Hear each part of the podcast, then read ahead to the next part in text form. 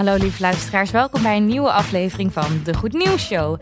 Je snelle scheerbeurt voor het bezoek van je Tinder-date met Selina Stap en Christian van Eikelenburg.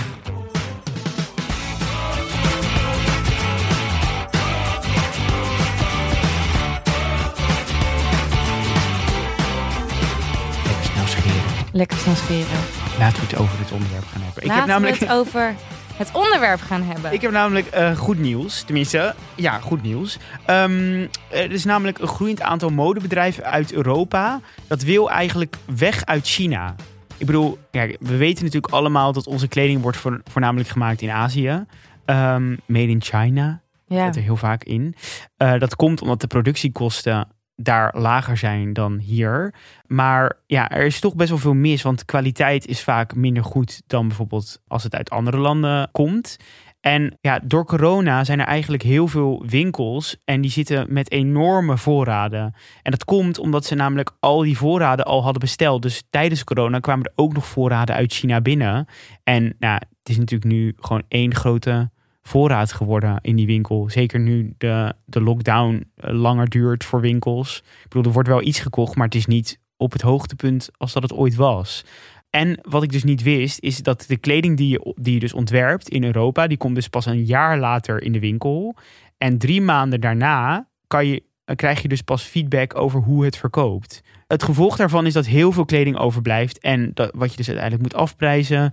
En, ehm, ja, dan krijg En, je, en uiteindelijk moet het dus gerecycled de zaakjes worden, maar heel veel wordt gewoon niet gerecycled en wordt gewoon weer verbrand en ja, komt gewoon op een of andere stapel, wat natuurlijk super slecht is voor het milieu.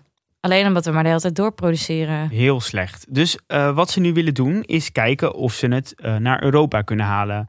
Ehm, maar, Maar, betekent dat dan ook dat dan dat jaar lang dus korter zou zijn? ja, ja, precies. zeker. Ja, ja, want, want oh, ik bedoel, eh, het zijn ook modehuizen die het bijvoorbeeld in Nederland willen doen. En dat is natuurlijk super kort bij huis. En dat zou allemaal voordelen kunnen opleveren. Ehm, maar Nederland is best wel duur. Ehm, dus ze zijn nu aan het kijken of ze het wel in Europa kunnen houden. Maar dan komt het meer in Portugal of Italië of Oost-Europese landen. Maar ja, ik ken ook heel- niet eigenlijk eh, kleding waar van mij Made in Holland in staat. Heb jij kleding? Nee. Nee. Ik kijk sowieso, probeer ook wel zoveel mogelijk vintage dingen tweedehands te Ja. kopen. En dan kijk ik sowieso niet waar het vandaan komt, want dan weet ik, oh, het is tweedehands. Dus ik ben niet zeg maar nu Mhm. in de cirkel van kleding weer opnieuw aan het produceren en bestellen en maken, het eigenlijk misschien niet nodig was. Ja, Maar normaal staat er wel made in China in. ja, het super vaak. Ja, Maar ja, omdat Nederland natuurlijk gewoon heel duur is. Maar wat, wat dus een voordeel is, is dat je het in Nederland zou maken. Dan is het sneller, kan je bijvoorbeeld dingen aanpassen. Eh, de kleuren kan je aanpassen.